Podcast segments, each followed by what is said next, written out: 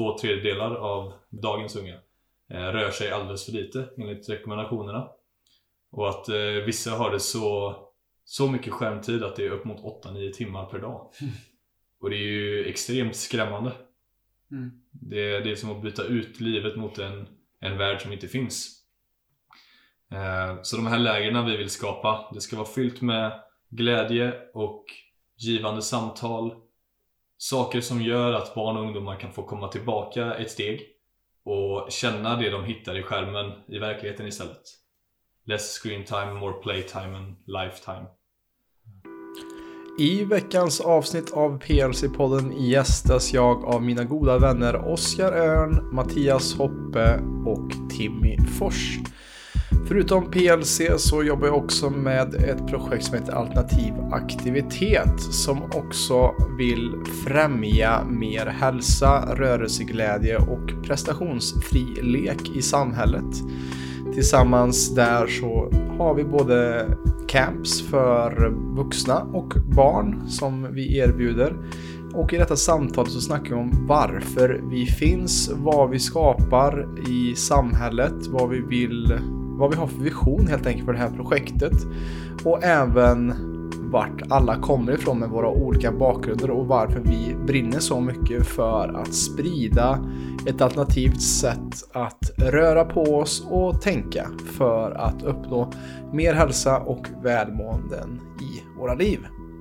Varmt välkommen till detta intressanta avsnittet av PLC-podden. Men innan vi går in i dagens avsnitt så har vår egen hälsocoach Viktor lite att säga om vårt samarbete med Pureness.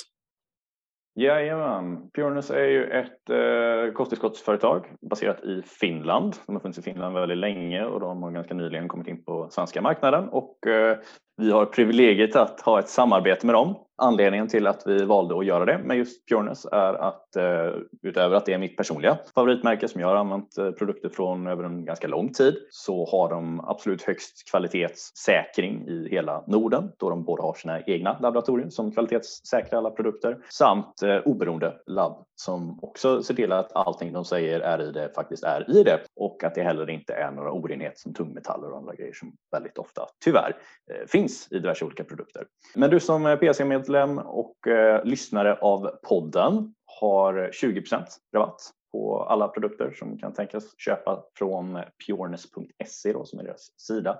Så använd koden PC20 i kassan så får du 20% rabatt. Fantastiskt, tack Viktor. Så när du gynnar din egen hälsa så kan du också gynna oss på PLC och hjälpa oss växa via podden genom att använda den här koden och tjäna en liten slant själv. Tack så mycket. Hej och välkommen till PLC-podden, podden som förändrar Sveriges syn på hälsa med mig Robin Hallsten. Och eh, jag befinner mig med ett väldigt speciellt sällskap av män och faktiskt eh, väldigt goda vänner till mig. Just eh, där jag är i livet just nu. Och vi befinner oss också på en plats som har förändrat mitt sätt att se på Eh, hälsa också. Vad det innebär att eh, vara man, vad det innebär att vara människa och djupa samtal och aktivitet och rörelse har varit en del av det här på Breddas Wake Park där vi är just idag. De som sitter bredvid mig är eh, män som jag har precis faktiskt samskapat ett mansretreat, vårt första mancamp för året här. Jag jobbar inte bara med PLC utan jag jobbar med andra projekt också. Eh, där ibland är jag också inblandad i något som heter alternativ aktivitet som Mattias och Oskar som sitter bredvid mig här har samskapat. Även Timmy med. Och lite kort om alla de som sitter bredvid mig här innan vi drar igång är eh, Timmy är eh, före detta nordisk mästare i pro wrestling. Alltså lite skojbrottning. Alltså det som man kanske, man kanske kommer ihåg. Hulk Hogan kanske man har sett. Eh, här i Sverige så är han en av de främsta personerna där inom det. Och eh, har också hoppat mycket med VR och gjort andningsappar och eh, mycket kring teknologi, hur vi också kan förbättra vår hälsa inom det. Till höger om honom sitter Mattias Hoppe som är grundare av Wakeboardparken här, Breddas, som han har byggt med sina egna händer tillsammans med sina bröder och syskon här. Eh, han har varit en av de bästa wakeboardåkarna i eh, världen ett par år sedan Hon levde sju år som wakeboardproffs på heltid och var sponsrad av eh, många stora företag, bland annat Red Bull. Och eh, här har det också funnits stora tävlingar med över tusen personer som har varit på plats. Och till höger om honom sitter Oskar Öhn, också en eh, gammal bekant till mig som introducerade Mattias till mig faktiskt för ett par år sedan. Jag träffade Oskar på en strand i Thailand, även fast vi är födda 20 minuter från varandra i Dalsland. Oskar är eh, en av de främsta inom parkour i Sverige och har varit en av de som har utvecklat det här i Uddevalla också. Han fick den branschen att växa sig till en av de ja, den blir till och med större än Uddevalla, eller gymnastikdelen i, här i Uddevalla eh, ett tag när han var med. Eh, men vad, vilka vi är och den här introduktionen tycker jag inte är så viktig egentligen, för det är vad vi har gjort. Och det är därför vi, jag tror vi har samlats ihop för att vad, vad, vad som är den röda tråden är att vi är män som har presterat väldigt mycket och försökt bevisa oss på många olika sätt och vis. Eh, och inser att livet är faktiskt ja, mer trevligare om vi approachar det med lite mer lek och, och nyfikenhet och mindre prestige och prestation. Och det är väl på det sättet som vi också vill hjälpa andra att få den insikten att, att förändra sitt sätt att se på prestation och hälsa och varför vi tränar och varför vi gör vad vi gör. Så det är en liten inramning här idag vad vi kommer prata om. Ehm, så jag tänker väl att eh, jag lämnar över ordet. Jag tänker till Mattias. Vi befinner oss alltså där du bor just nu. Um, vad, vad, tänker du kring den här introduktionen och eh, det här alternativa aktivitet som vi också samskapar här ihop? Um, jag tycker alltid det är svårt att eh, börja. Man behöver gå tillbaks till vart någonstans det började. Det är också ganska svårt för att hitta. Men eh, nu börjar jag lära mig lite min story. Um, lite hur allting har vuxit fram. Och de insikter man har fått nu då. Varför man gör det man gör. Och parken som vi befinner oss i här då, Brothers Wake Park. Det kom ju då ifrån eh, jag och mina syskon som eh, vi började väldigt tidigt med akrobatik av olika slag. Och Ja, det är en park som är 10 minuter rakt ut i skogen eh, utanför Uddevalla. Så eh, där någonstans så eh, i och med att jag varit uppvuxen i skogen så har det varit väldigt mycket frilek. Jag har haft eh, många syskon. Ehm, de är två bröderna då som jag byggt parken med är två stycken utav en eh, familjeskara på vi var sju stycken syskon. Så det har varit eh, Ja, vi har, haft, eh, vi har inte gått på något dagis eller något sånt utan det har varit från start, eh, lekt och eh, bråkat mycket. Um, och väldigt tidigt så började vi pusha varandra i eh, det mesta. Vi började med eh, simhopp, minns jag. Ehm, där vi körde väldigt mycket... Ja... Redan där så märkte jag att man, eh, man gjorde väldigt mycket för att det var det som förväntades utav en typ. Och um, jag tyckte aldrig om simhopp. Och jag, eh, det är nu på senare tid som jag har så reflekterat över varför jag gjorde eller höll på med simhopp. Och um, när jag var så liten så hade jag inte förmågan att kunna reflektera över det. Så jag höll på med det i, i sex år. Och um, där någonstans så uh, ställde jag upp i simhopps-SM och uh, jag märkte typ att uh, det är så strikta regler och ramar och domare. Allting skulle vara så elegant och fint. Um, vilket inte riktigt passade min, uh, mitt sätt att se på livet där och då. Så uh, jag kom på stabila elfte plats utav uh, elva deltagare. och slutade efter det. Jag märkte att det det här är inte riktigt någonting för mig. Um, jag gjorde det för att min äldre bror gjorde det. Benjamin. Och uh, han kom på uh, tionde plats. så det var lite samma sak för hans del. Eh, men vi blev väldigt duktiga och tyckte om akrobatiken i det hela. Ehm, så vi fortsatte med gymnastik. Och så märkte man lite att det var samma grej eh, även där. Att det är mycket så här, du behöver prestera utifrån hur domarna ser på sporten. Um, och så var det så här, du gick i det och du visste att du går i det för att du ska tävla. Och um, jag tyckte aldrig om att tävla. Men ändå var det det man gjorde hela tiden. Sen eh, slutade vi med det. Vi blev ganska duktiga i gymnastiken. Och um, Sen började vi med studsmatta. Och det var här någonstans det började vända lite. För studsmattan, när vi väl höll på med det och hade den här grunden ifrån att vi var väldigt duktiga på um, i akrobatik så lärde vi oss väldigt snabbt. Men helt plötsligt så märkte man att oj, här är det inga, det är inga domare. Det är inga förväntningar på att man ska lära sig. Um, finns ingen som säger vad som är rätt och fel. Det var väldigt jag tror vi var först i Uddevalla med att skaffa en uh, studsmatta också. Um, man tänkte inte på att man uh, höll på att röra sig väldigt uh, fritt. Så jag kunde hålla på i flera timmar utan att ja, reflektera över att det här är kul och att man utvecklade kroppen så otroligt mycket. Um, det ledde oss in på, eller till att min bror började lite mer mot actionsporthållet, snowboard och eh, wakeboard. Och när vi väl började med wakeboard så um, märkte jag någonstans att wow, här kan jag bli väldigt duktig eh, väldigt snabbt. För jag hade ju den här akrobatiska bakgrunden men det som var så fantastiskt med wakeboarden var att eh, man fick uttrycka sin kreativitet på ett helt annat sätt. Där fanns det inte så mycket rätt och fel till en början i alla fall.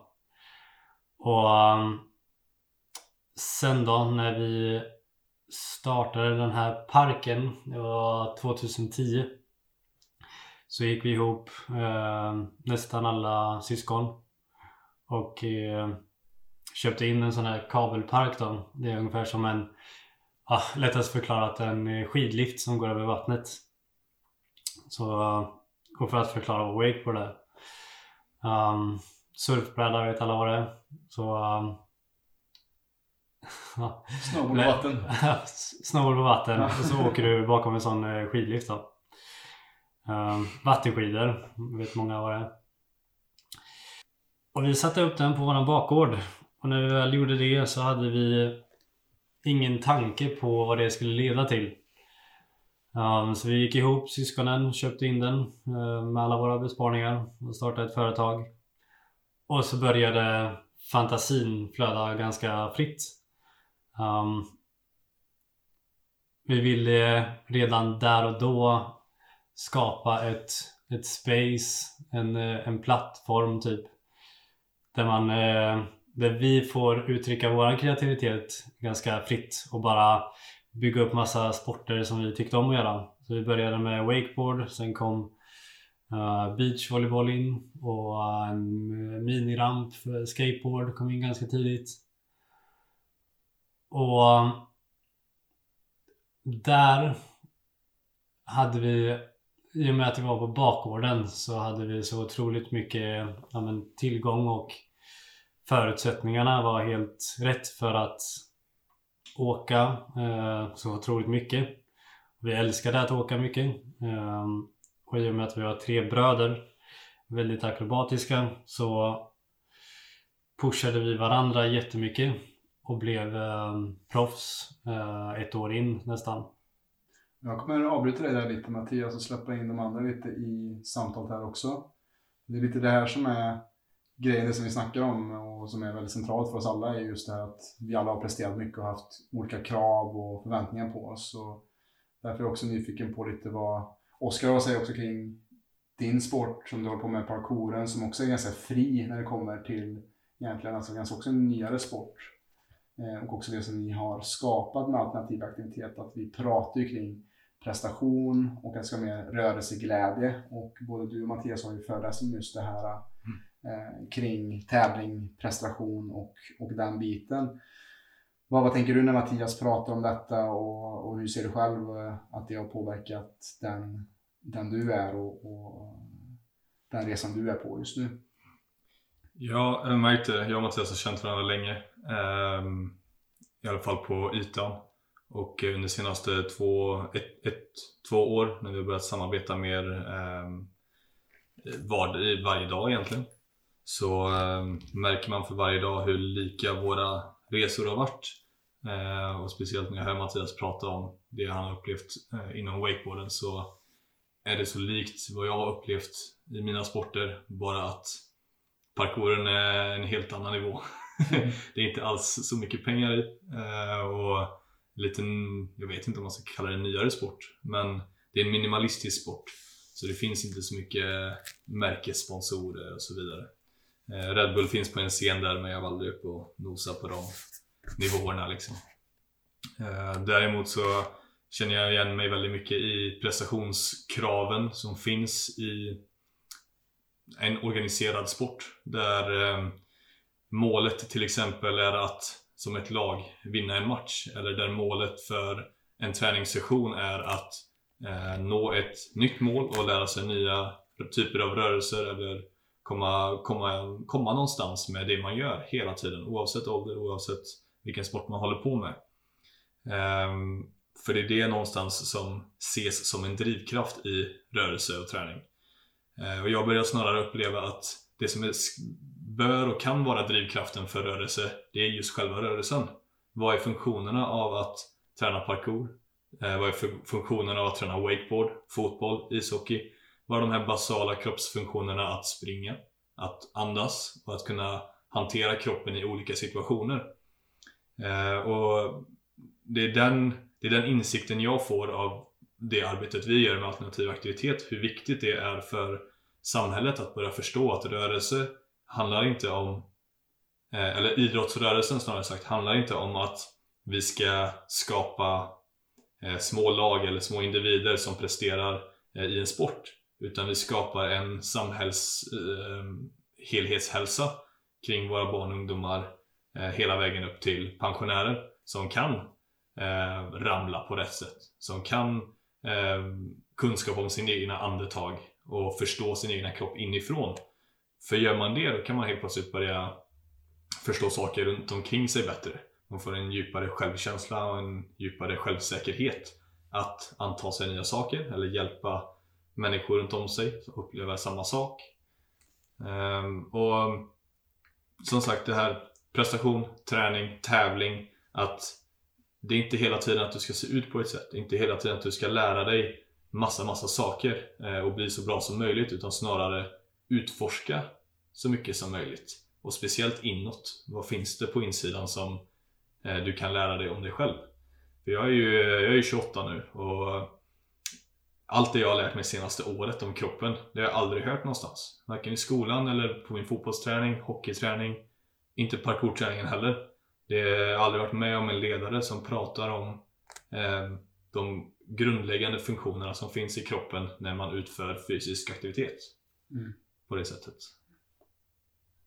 Ja, det är det som är intressant med konceptet. att Jag tror också det som bringar oss ihop är också att vi är lite, lite kanske människor som inte accepterar den rådande kanske. Att vi är väldigt nyfikna på att utveckla saker. Och, och som ni också varit ute och, och föreläst och varit i föreningar och, och märkt liksom att det finns också ett väldigt sug efter det här kravlösa prestationen. För att jag vet ju själv, alltså, som för de som lyssnar på podden kanske känner igen min historia, så är det också så att jag hade också otroligt mycket prestationsångest när jag var yngre. Spydde inför orienteringstävlingar och inomhuscuper i fotboll.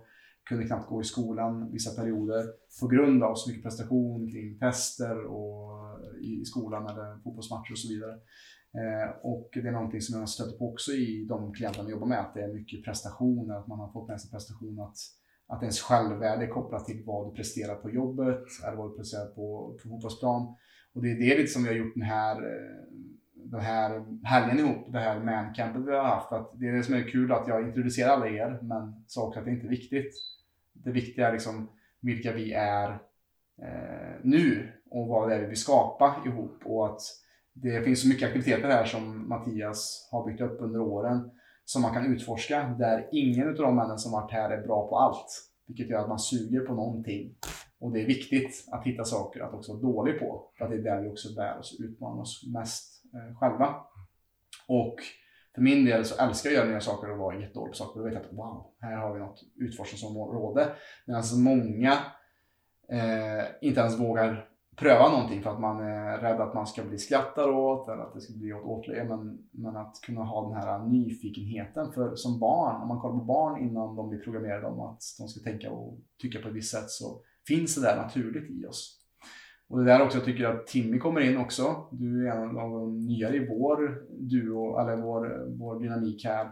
Kom in senaste året, du hittade Mattias eh, på något sätt. Och det står ju play Flow Grow på våra t-shirtar som vi har på oss här. Och det är ju temat för de campen vi har och, och det är också så, Tim har också gått sin egna väg att, att lämna Umeå eh, när alla andra trodde att han var dum i huvudet för att han skulle satsa på wrestling och showbrottning och gått sin egna väg där och flyttade till Stockholm och levde åt och sket wrestling i många år. Kan du berätta lite Timmy, lite om det där, eh, resan dit kanske, åka på sin egen väg, men också just det här varför du har, jag tror det är du som är varit den som har utformat kan säga play, flow, grow och vad det betyder för dig. Mm. Ja, jag är uppvuxen i Norrland. Eh, för Skellefteå. Och när jag var liten så körde var det hockeyfotboll eh, som jag spelade upp i tonåren och det var mitt huvudfokus i rörelse. Jag älskar att röra på mig, alltid älskat att röra på mig. Körde lite simning också. Eh, var väldigt duktig på fotboll, slog i mål.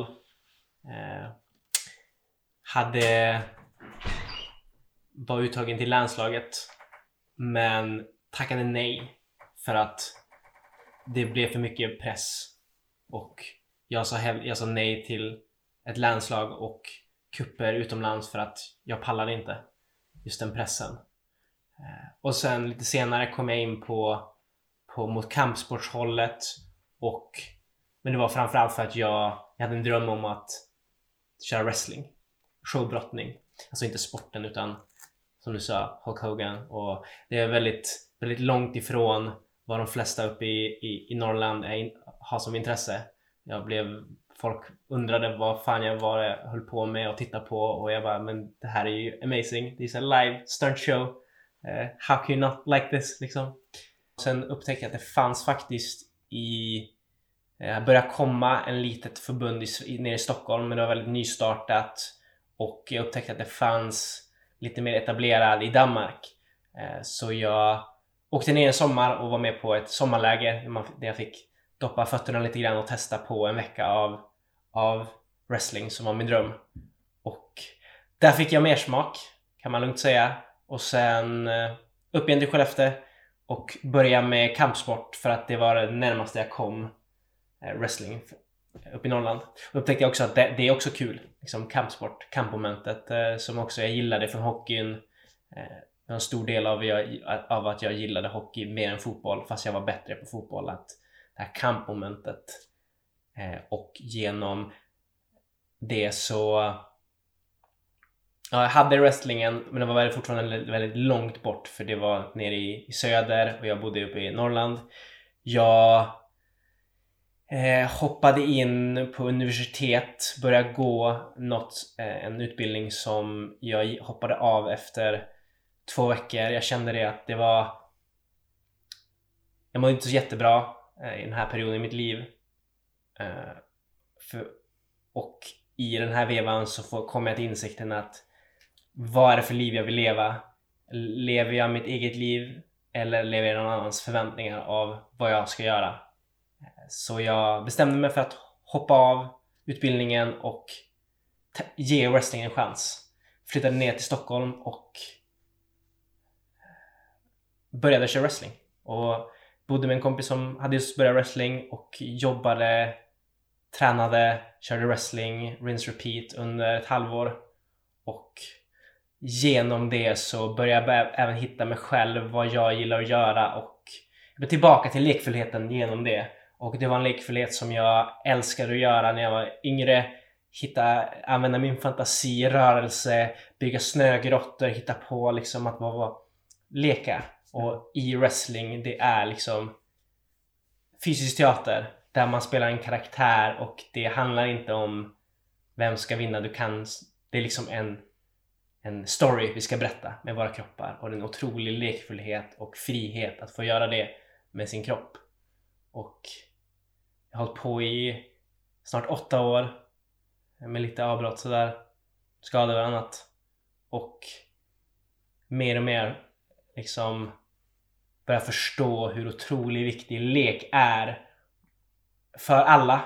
Men att vi genom samhället vi har idag tappar bort det. Och det är därför det känns viktigt för mig att göra något konkret. Ha en plats framförallt, en, ett sammanhang. Och nu har jag under senaste året hittat like minds, en plats och folk som, som ni själva som också förstått vikten av det och som, eh, som jobbar med kroppen och just lekfullhet och därav så har nu vi senaste, sen förra sommaren börjat snickra ut genom all, alternativ aktivitet på liksom lite olika håll men ändå tillsammans också och landat i det här eh, campet som vi hade nu i helgen som vi kallar Play, Flow, Grow. Tre huvudkoncept av det är väldigt, väldigt mycket eh, som går in i det här men vi tycker att de här orden encapsulates vad vi gör väldigt bra. Mm. Playing, the flowing och genom det också growing. Ja, det är ju någonting som är intressant att se för att många av de männen som kommer hit tror att man ska hålla på med extremsport och göra volter och åka wakeboard och slackline och alla de här coola sakerna. Och det är lite det som jag har sagt, att det är lite som att vi slänger ut ett metspö med liksom något så här saftigt byte. Och sen när de nappar så slänger vi in lite mera eh, seriösa samtal och möten och snack om depression, kanske om eh, saker som är jobbigt i livet som män inte annars pratar om. Och det är det som är just det här playet, eller leken, öppnar upp oss. Öppnar upp till glädje och vi öppnar upp vår kropp. Och det gör också att det öppnar upp också för läkning. Att man kan också då komma in med mer allvar också. Att det är som en yin och yang polaritet. Det lek och att växa. Och det är det som jag sa här i, i slutet på vår yogasession här som vi hade i morse som jag avrundade med att, att eh, vi hade en liten tyst kontemplation och, och höll space lite och hade med oss Benjamin här som sitter bakom Mattias. Eh, Benjamin är Mattias äldre bror som gick bort i depression samma år som vi träffades faktiskt. Eh, jag har inte känt Mattias innan den här bortgången. Och lite det som jag tror är viktigt för oss är det här centrala eh, att hur, hur fel eller hur, hur mycket män och andra människor i samhället kan komma fel när det blir för mycket prestation, för mycket krav, för mycket eh, isolation. Eh, vad, vad, tänker du Mattias kring det som faktiskt parken har blivit mer och mer, att, att du går i hans fotspår lite grann och att mycket av det vi gör är ju det som han hade behövt höra eller kanske det sammanhang som vi skapar här med andra män. Vad tänker du kring det? Jag tror äh, att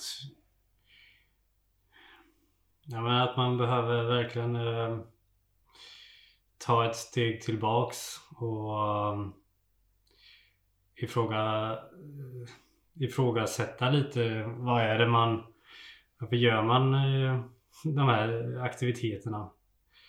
Jag märker mer och mer hur all, hela samhället är bara byggt på att det är så mycket prestation kring allt. Det är, det är både i skolan och sen är det hemma och kanske håller på med någon fysisk aktivitet. Eh, någon sport. Och så är det ganska tidigt då att man man växer in i den rollen. Att du identifierar dig med att du måste prestera och alla dessa förväntningar som är på en.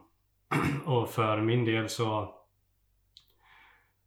jag identifierar mig så mycket som en eh, wakeboardåkare då. Och det tror jag även, eh, ja, det gjorde ju Benjamin också. Och jag, nu i efterhand så har jag märkt att jag har ju egentligen bara gjort allting eh, som jag har gjort för att han har gjort det tidigare. Det var han som började med simhopp, gymnastik, eh, extremsport, wakeboard. Det var hans idé att bygga parken. Och så blev vi proffs tillsammans. Och um, sen när vi la ner wakeboardkarriären och så har jag, jag har inte tänkt på depression på det sättet. Eh, jag vet att om att han var deprimerad lite då och då. Eh, mer eller mindre. Och så var helt plötsligt så eh, uh, 2017 så är han borta. Ur mitt liv. Och så eh, märker jag typ Wow, vem tusan är jag? När hela min identitet är byggt på hur jag presterar um, i det här samhället typ. Jag är wakeboardåkaren och akrobaten. Och så när allt det bara försvinner så blir jag väldigt så här, ja, men ifrågasättande till eh, hur vi ser på hälsa och prestation och att det inte är så viktigt. Och därifrån så växte hela den här idén fram att vi behöver bara bli mer närvarande och uppskatta kroppen lite mer, ha mycket mer roligt i livet, vara lite mer nyfikna på sig själv och på varandra så försvinner den här ja, att du måste prestera. Så det är det vi gör med eh, alternativ aktivitet. Vi vill eh, nå ut till så många det bara går. Till att få så många att känna den här ja, prestigelösa aktiviteten. Att eh, här spelar det ingen roll hur, eh, hur du presterar. Det är verkligen inte viktigt. Det är bara du och din kropp. Och ta hand om den. Och sen är det väldigt mycket den mentala biten. Um, där man behöver prata om de jobbiga sakerna som eh, dyker upp i livet. Jag tror att många ledare behöver mer utav mentorskapsbiten. Att man inte pratar så mycket om sport och utveckling inom sporten. Utan mer ja, men, eh, fråga hur, hur är läget på riktigt? och um, föra in det i föreningslivet. Uh, kolla läget med allihop och försöka eh, ändra lite dynamiken. Så att det, det är inte viktigt att vinna matchen, det är inte viktigt att vinna ja, vad man än håller på med. Det är bara en, en del utav det. Det är kul, men man ska inte lägga så mycket värdering i det. Mm. Precis, för det är oftast det som vi lär oss i tidig ålder i skola, betyg och, och hela den biten. Och det, vad som är roligt är att, att eh, alternativa aktiviteter skapas är också att, att tänk Mattias, du eh, har ju också pluggat till att bli eh, högstadielärare, men för att du inte riktigt passade in i systemet när du var ute och praktiserade, för att du ställde faktiskt för djupa frågor till, till barnen och de ungdomar för att de blev obekväma, eller föräldrar blev obekväma med att du försöker bara in lite djupare och lite mer livsåskådande frågor. Kommer jag ihåg liksom att jaha, då får jag väl skapa någonting annat, då får jag skapa någonting nytt och det är lite det som är fröet här att, att eh, vi har inte, absolut inte alla svaren, men vi har mycket frågor. Eh, och vi är som en smältdegel av idéer som vi på något sätt försöker skapa en ny väg. En alternativ väg till att eh, få både vuxna och, och, barn att tänka annorlunda kring hur vi för oss eh, med varandra men också hur vi ser på prestation eh, och den biten.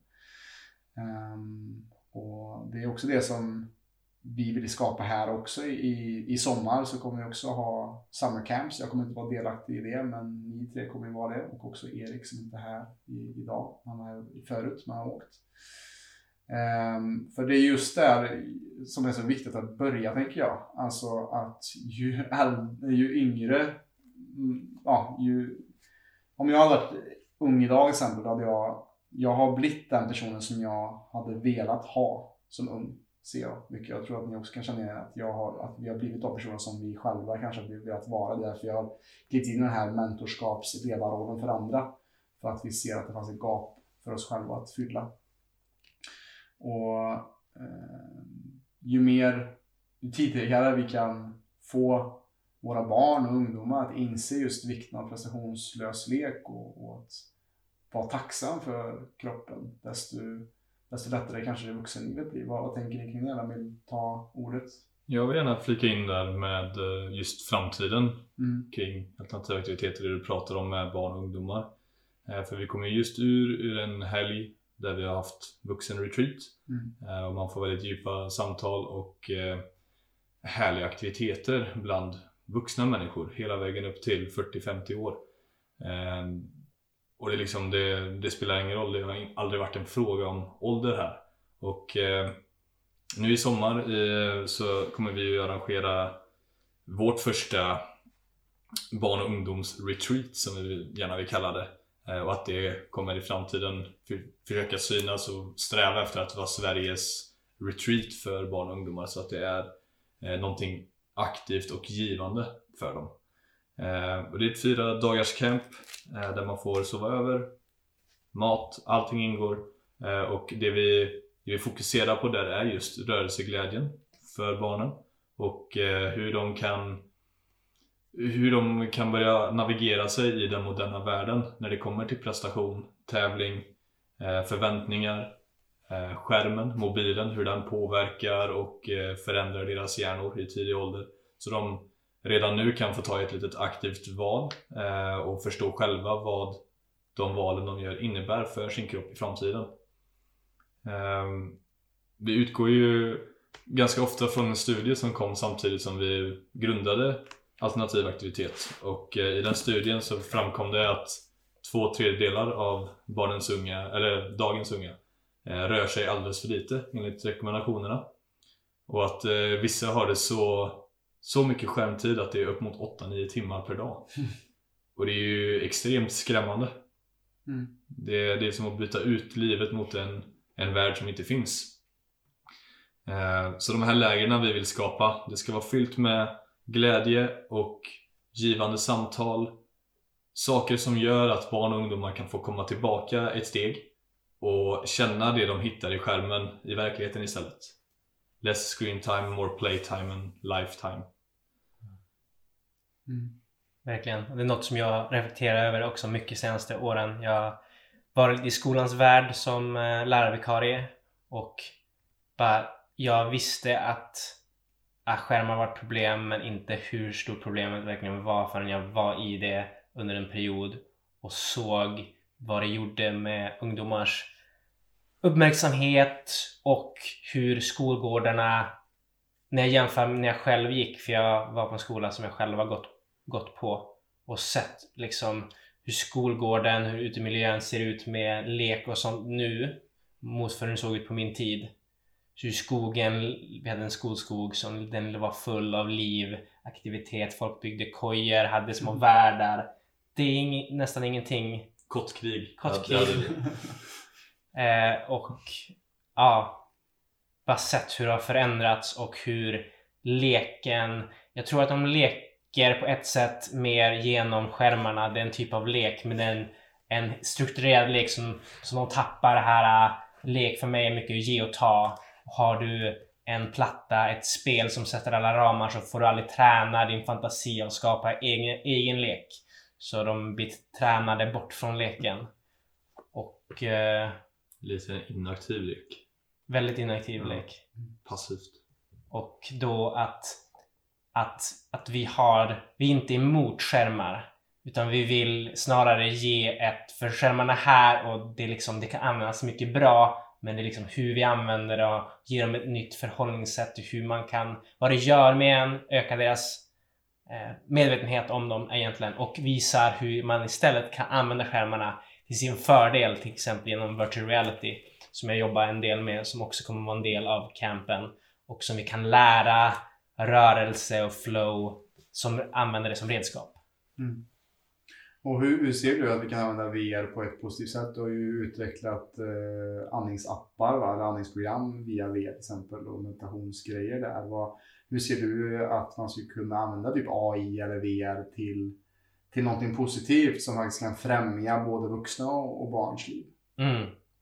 Genom att, alltså till exempel det finns lite en av de populäraste spelen just nu eh, inom virtuality är ett spel som heter Beat Saber som är en typ av rytm, rytmspel lite likt eh, Guitar Hero. Om man känner till det så men istället för att ha en, en, liksom en gitarr du ska trycka på så använder du istället hela kroppen och då, dina kontroller blir lasersvärd.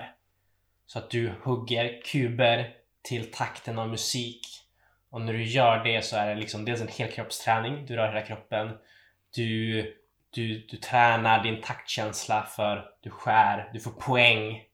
Det är liksom rörelse som de har gamifierat. Och det har jag upptäckt att det sätter folk i flow. Att, att få folk här och nu i deras kroppar eh, dansandes till musik, eller skärandes kuber till musik. Och eh, flow, som är den andra delen av play, flow, grow, är för mig det är liksom en känsla vi, som alla upplevt någon gång olika sätt när du är helt absorberad i det, det, det, i det du gör här och nu. Eh, och det är ett stadie som du mår väldigt bra av att vara i och det är också det är ett stadie som kräver full uppmärksamhet och ett stadie som jag upplever skärmarna gör det svårare och svårare för folk att komma i. Mm. För vi är hela tiden distraherade. Vi, vi får aldrig den här möjligheten att faktiskt vara helt i någonting förrän man kanske är på en fotbollsplan och liksom helt upp, uppslukad av spelet till exempel. Eller var ute och dansa så är man verkligen i musiken eller simmar eller vad du nu än gör. Mm. Men i den här virtuella miljön när du får göra helkroppsgrej när du är i ett novel space, ett helt nytt så dras du in i nuet, dras du in i din kropp av att du rör dig till musik. Så det, det är ett av områdena som jag tror VR kan ha extremt mycket nytta av att bara visa hur det känns och prata och bli, liksom öka medvetenheten om det här stadiet och hur det känns. Yeah. Ja, för, för det, det, som jag tänker på är ju det som är så stort med de klienterna jag jobbar med. Jag jobbar ju mest med meditation och avslappning. Och det är det som vi gjort också här på Mancampet. Att eh, vi sitter också bakom mig så finns en stor gonggong som eh, jag har investerat i, eller min mamma har investerat i, som jag kan låna. Och, eh, och den var inte många som kände till vad det var. De bara wow, vad är det här? Och så ingen har hört talas om gångbad förut. Folk kom med badbyxor och bara, ska vi vad ska vi bada i? För vi, man badade faktiskt i vibrationer. Det var ganska roligt faktiskt. Eh, när någon kom där efter bastun bara, ska jag byta om här eller ska jag ha kvar badbyxorna? Men just det här som du snackar om, eh, flow. Alltså det är någonting som är essentiellt och viktigt när det kommer till meditation. Att närvaron i nuet så finns inga problem. Det är där vi kan upplösa våra problem. Alltså när vi inte tänker framåt och bakåt. För problemen vi har i, i, i oss själva i våra liv är när vi tänker för mycket framåt och bakåt och projicerar saker. När vi kan komma i flow, när man kommer in i det här, man kanske målar och tiden bara försvinner. Eller gångbad när folk tror oj, vänta här nu. Du börjar ju precis och så är det slut. Det har ju gått tre minuter, det har gått kanske en och en halv timme. Och det är det som är så viktigt det här äh, som jag ser det är det mest läkande för individen människa. Det är det här tidlösa spacet. När vi glömmer bort framtid och dåtid för att vi är så närvarande. Och det är det som jag tycker är så genialiskt med det som jag håller på med och särskilt det som Mattias äh, guidade oss igår med att vi var i skogen fyra timmar barfota utan mobiler, utan klocka. Där vi bara körde lite Följa John, vi klättrade i träd, vi Eh, bara utforskade vår kropp och vår, eh, vår närvaro. Eh, och kom tillbaka till ett naturligt sätt att leva. Att som Mattias också säger att vi tror att det är, barn idag tror att det är naturligt att ha mobil klistrad i sin hand. Medan det är det mest onaturliga som finns. Det mest naturliga är att gå ut i skogen och bara lyssna och ta in, för det är där vi kommer ifrån. Och vi är så urbaniserade att vi inte ens förstår vart ens kanske vår mat kommer ifrån som barn. Alltså, ja men, kyckling kommer ju på ett tr- plasttråg. Det är så, och så kanske man plockar det från ett träd kanske någon tror. Liksom. Alltså, att, alltså till och med att det kan bli så frånkopplat. Att vi behöver också komma tillbaka till det naturliga. Det som får oss att komma i rytm med Moder Jord eller naturen. Ja, frågar du ett barn idag så är, det, så är mobilen det naturliga. Och att vara Mm. ute i skogen är onaturligt. Ja. Läskigt och äckligt och Precis. jobbigt. Ja. Och samma som Mattias sa igår också, att, att eh, barn kan kanske mer namn på McDonalds och Burger King än vad det finns för lövträd i din skog bakom ditt hus. Mm. Vilket är ganska sjukt liksom hur, hur vi tappar bort det här essentiella och centrala som har varit så normalt. Som jag ser och som jag tror också ni ser i era eh, mor och farföräldrar. Just den här kunskapen eller bondevettet Mm. som mer och mer försvinner ju mer vi blir centraliserade och digitaliserade. Funderar på hur det kan ha gått så långt. Och så fort. Så fort. Så fort. Mm. Så att det, jag det är också det som är centralt i det vi vill göra. Vi vill ta tillbaka till det naturliga och det som faktiskt har funkat sedan urminnes tider. Att komma ihop som människor, att röra på sig, att samlas runt. Ja, nu hade vi ingen lägereld den här gången, men att det blir en liten... liten En liten. en li- Ja, en en liten liten. Boken. Ja, det hade. Ja, just det. En liten lägereld. Ja, precis. Att, att, men också den metaforiska elden, att vi samlar stammen lite grann. Att, för med skärmarna och de här nio timmarna som många har, att, att vad händer med skärmarna? Att visst, vi kanske connectar med en virtuell värld, men vi isolerar oss oftast från andra när vi är i den världen. Så därför tycker jag att det är viktigt det arbetet som vi gör och som jag eh, är med mest på ett hörn och det är mer ni som, som driver den här skutan framåt och det är väldigt coolt tycker jag.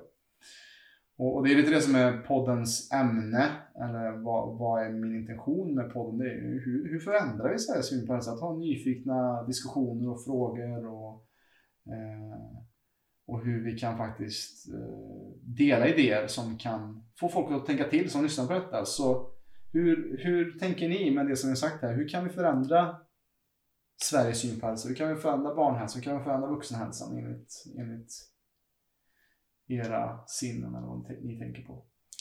Genom sådana här camps som vi gör.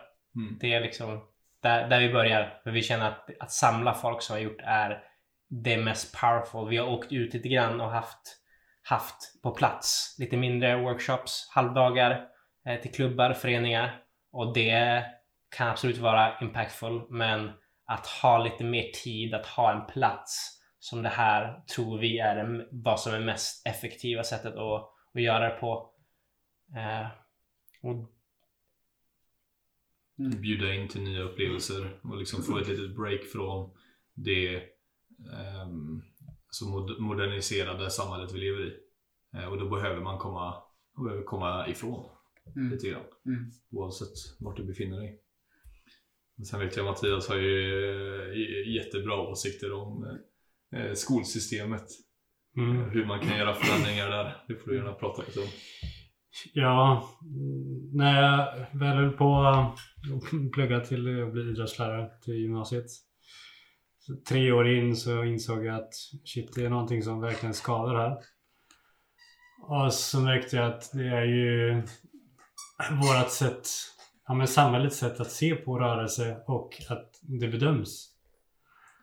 Så uh, varje gång jag skulle betygsätta elever och deras eh, Ja, det, är så här, det blir ju deras prestation. Hur man än vrider och vänder på det.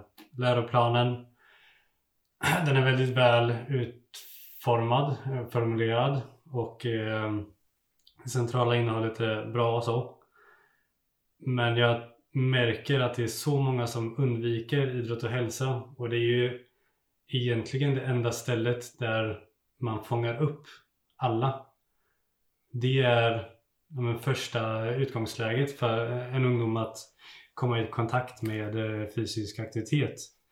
Om du då inte är med på ämnet då, då kommer du förmodligen inte använda dig av någon aktivitet på fritiden.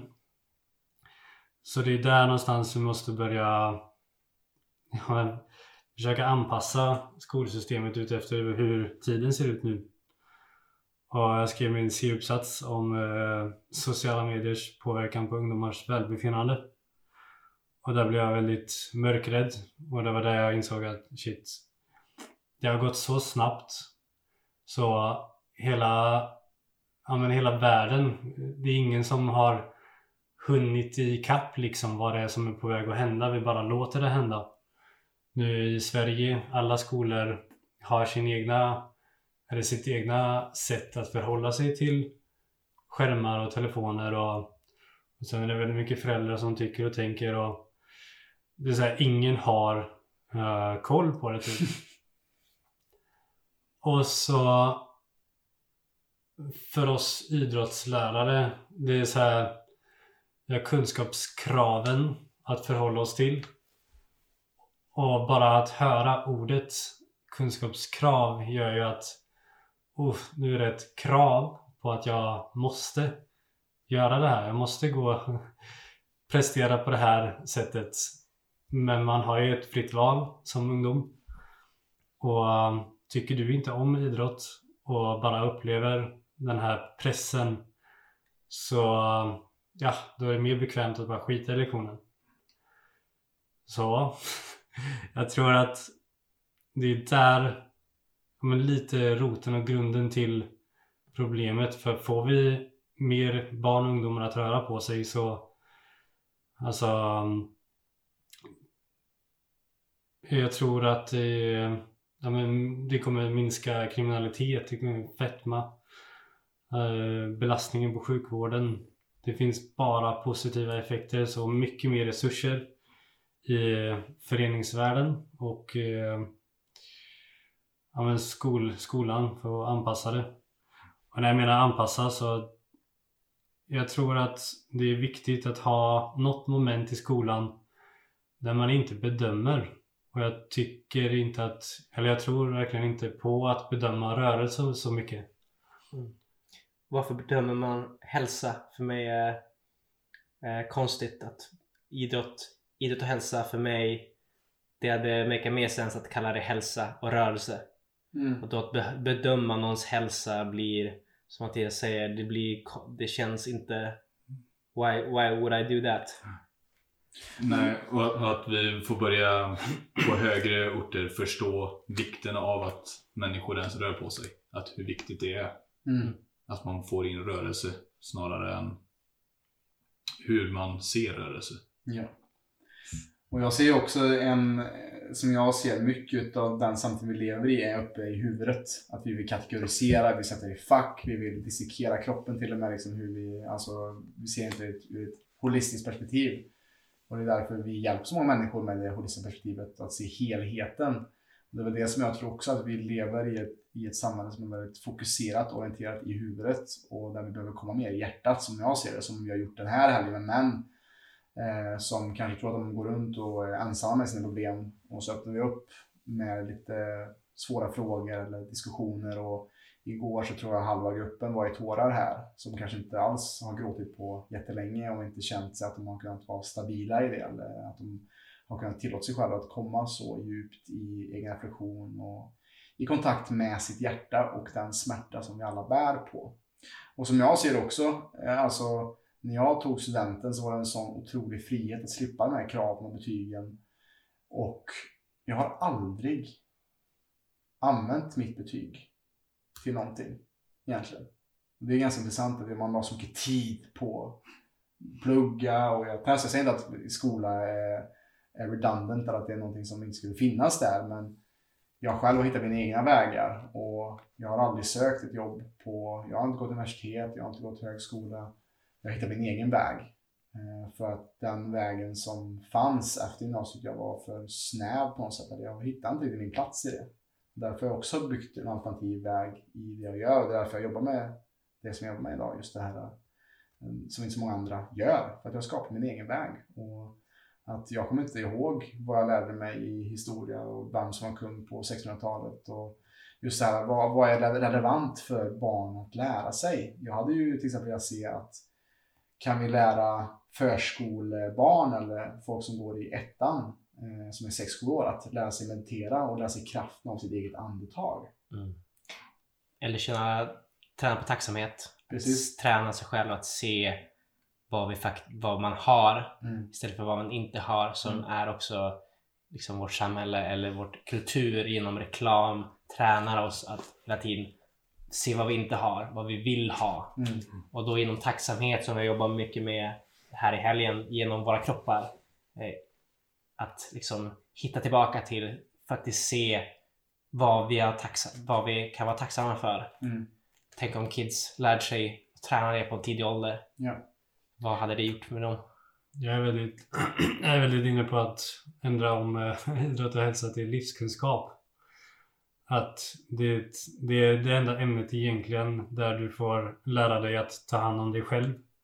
Så det skiljer sig väldigt mycket från alla andra ämnen på det sättet. Anledningen till att vi har betyg, eh, är urvalsfunktionen, att ska du söka vidare till universitet och så. Så det fyller ju en funktion att ha det där. Absolut.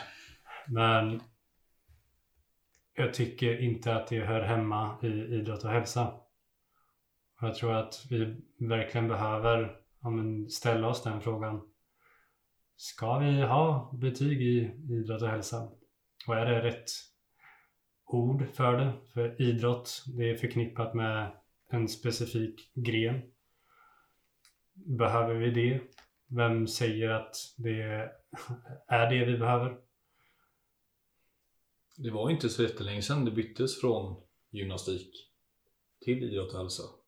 Mm. Det har ju hänt under våran Mm. livstid i alla fall. Så det, det sker ju saker och det är samma med fascian som det kommer mer och mer eh, vetenskap på att det blev ett erkänt organ 2017.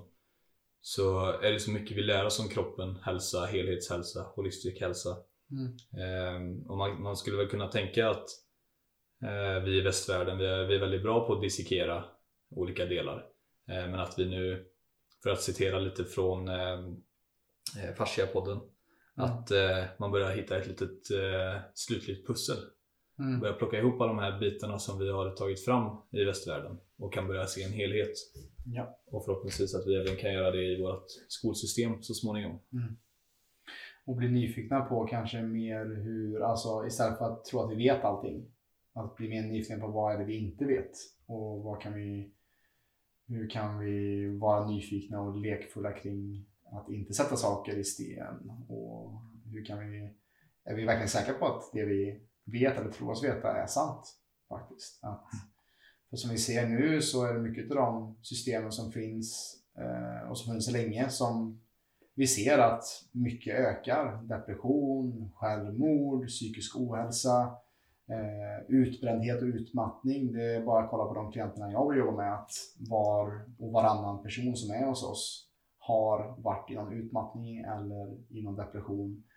Och att, att tro att det ska vara vanligt, det tycker jag är, det är inte naturligt. Det är inte vårt naturliga sätt att vara och leva på. Det är inte vanligt att vi ska hoppa piller för att kunna sova eller för att kunna klara dagen och klara sig undan panikångestattacker. Så att vad är det som eh, är fel? Vad är det som vi kan utforska? Vad är det som behövs mer? Och där landar jag mer och mer i just det här, eh, en känsla av samhörighet och eh, community som vi också skapade här. Vi hade inte så mycket mobiler framme den här helgen.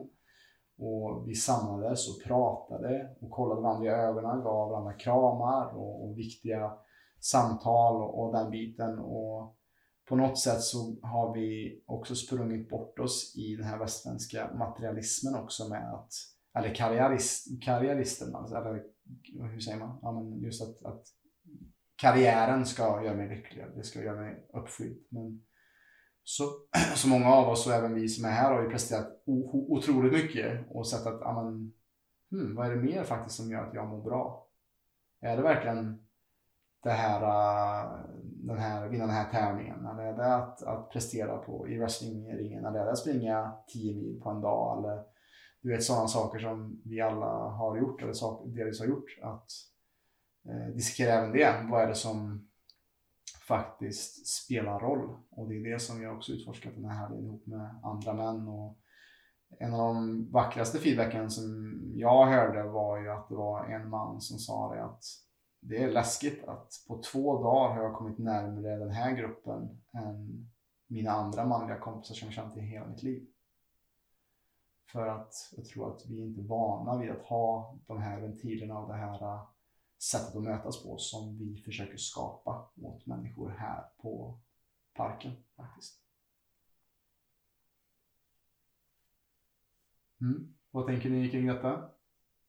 Ja, fantastiskt kul att sitta och diskutera om. Han hade Mm. kunnat sätta flera timmar. Ja, precis. Men jag tänker att vi kanske börjar runda av lite eh, för dagen, men just att bara också, för jag vet ju att de flesta som lyssnar på oss är just också äldre Eh, medelålders kvinnor, eftersom det är det vår, oftast eh, de vi jobbar med. Eh, och man kanske inte är gammal eller ung nog att vara på våra kids camp. Man kanske har barn som man har som behöver kanske komma ut i naturen, komma ut och leka, komma bort från mobilen och leka med tre, fyra vuxna män som har just svart bälte i lek och bus. Eh, så kan du berätta lite om vad det är som... Jag kommer inte vara delaktig i Summer Camp eh, för kids eh, i sommar.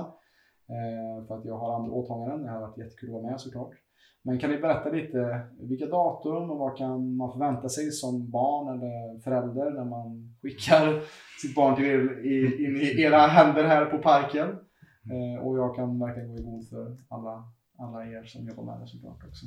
Jag ska bara tillägga det. Vi, vi pratade ju nyss kom ut ett man camp och även att eh, vi ska ha kids camp eh, för allas barn och ungdomar. Men vi har även women camp såklart. Alltså Just det, för ja. kvinnor. Just det. Så retreatsen finns ju för kvinnor som vill eh, komma i kontakt med natur, sin kropp mer också. Mm. Eh, Men kidcampet i sommar, vad man kan förvänta sig är att välkomnas av en, en magisk oas. Först och främst av stillhet som man kan uppleva eh, på den här platsen.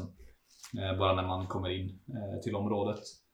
Och därefter mycket, mycket roliga aktiviteter. Eh, Fokus på att hitta de här sakerna eh, man kan göra tillsammans med andra och som gör att vi kan prioritera varandra istället för till exempel skärmen. Mm. Och istället för att känna press att eh, gå till en träning eller liknande så ska man känna glädje till att röra sig och vilja välja det. Eh, och i- istället för att måste välja det för att det ska vara nyttigt för en. Utan vi vill ju skapa en vilja till rörelse. Eh, och en vilja till utforskning av både liv och natur.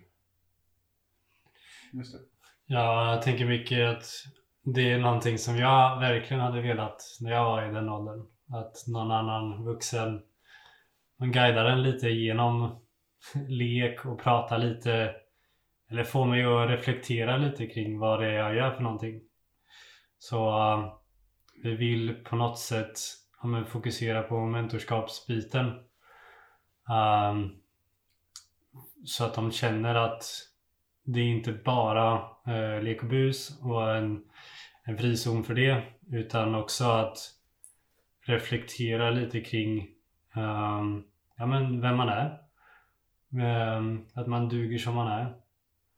Och ehm, man behöver inte leva upp till alla de här förväntningarna som samhället, föräldrarna, skolan sätter på en.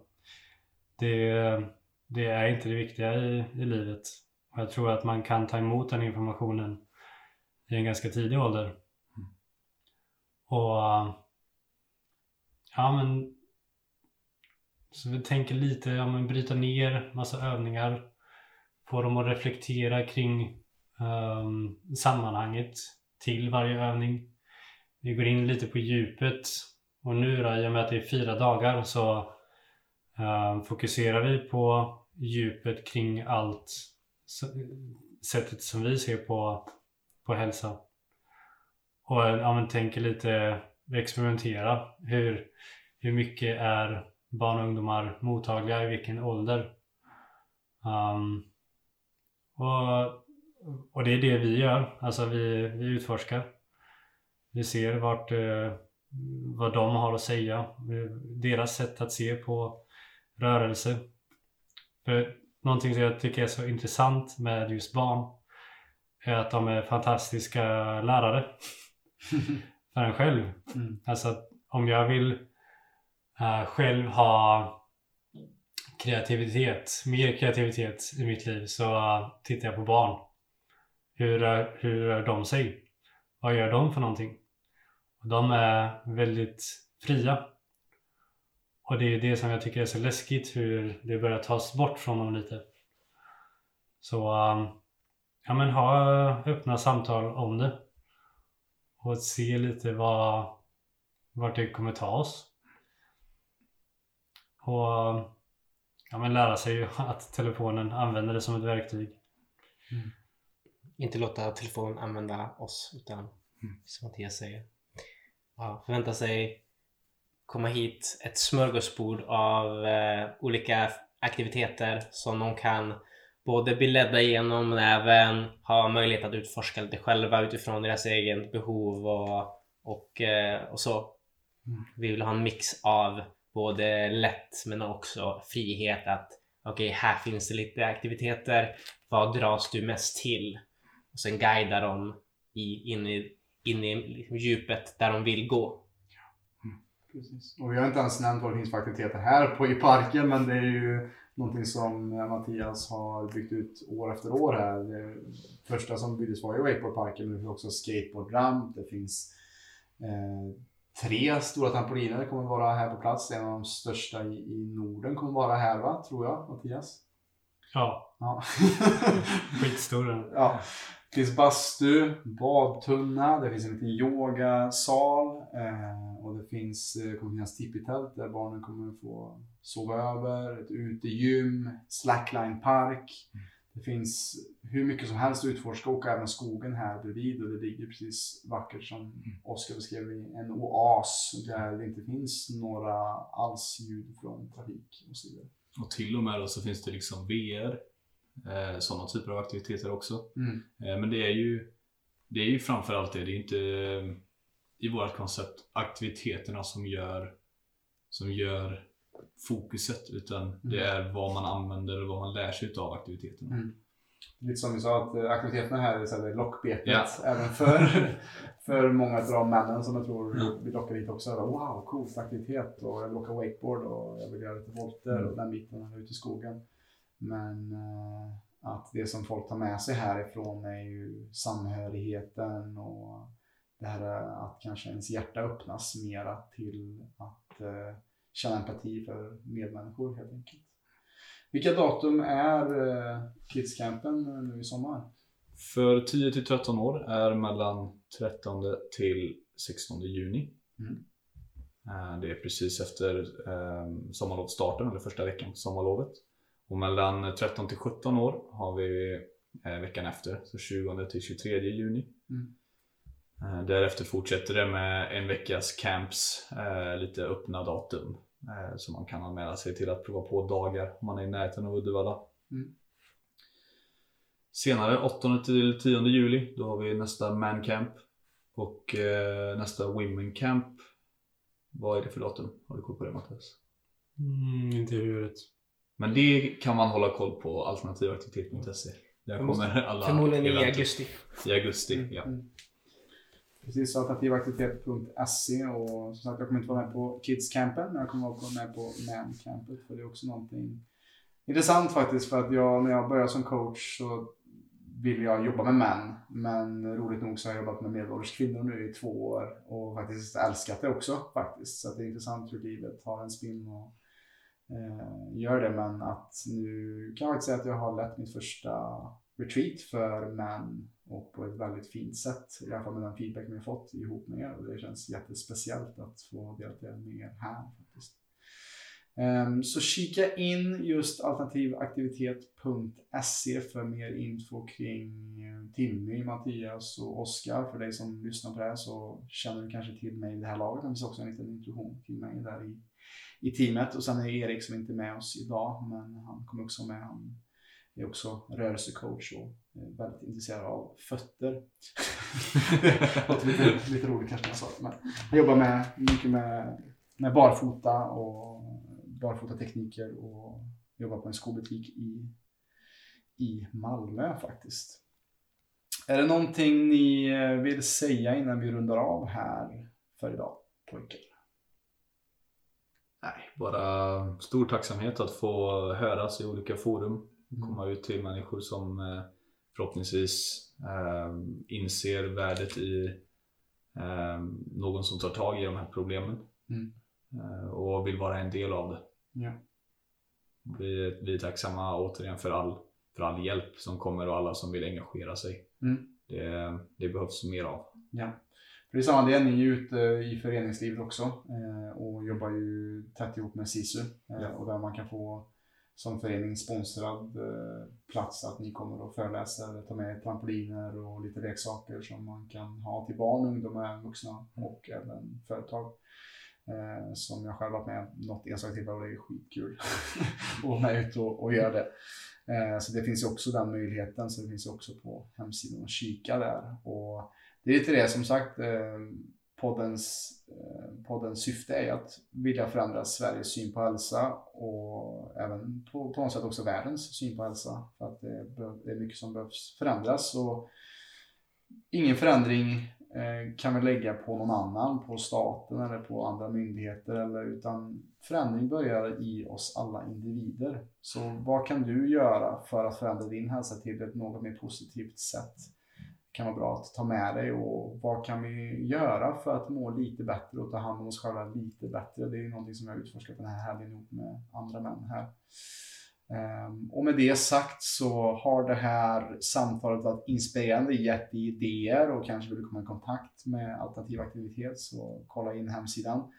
Eh, och känner att wow, det här avsnittet kanske hade varit bra för min arbetsgrupp eller för en kompis att höra. Så för all del dela med dig av detta avsnittet så att vi sakta men säkert kan förändra Sveriges syn på hälsa.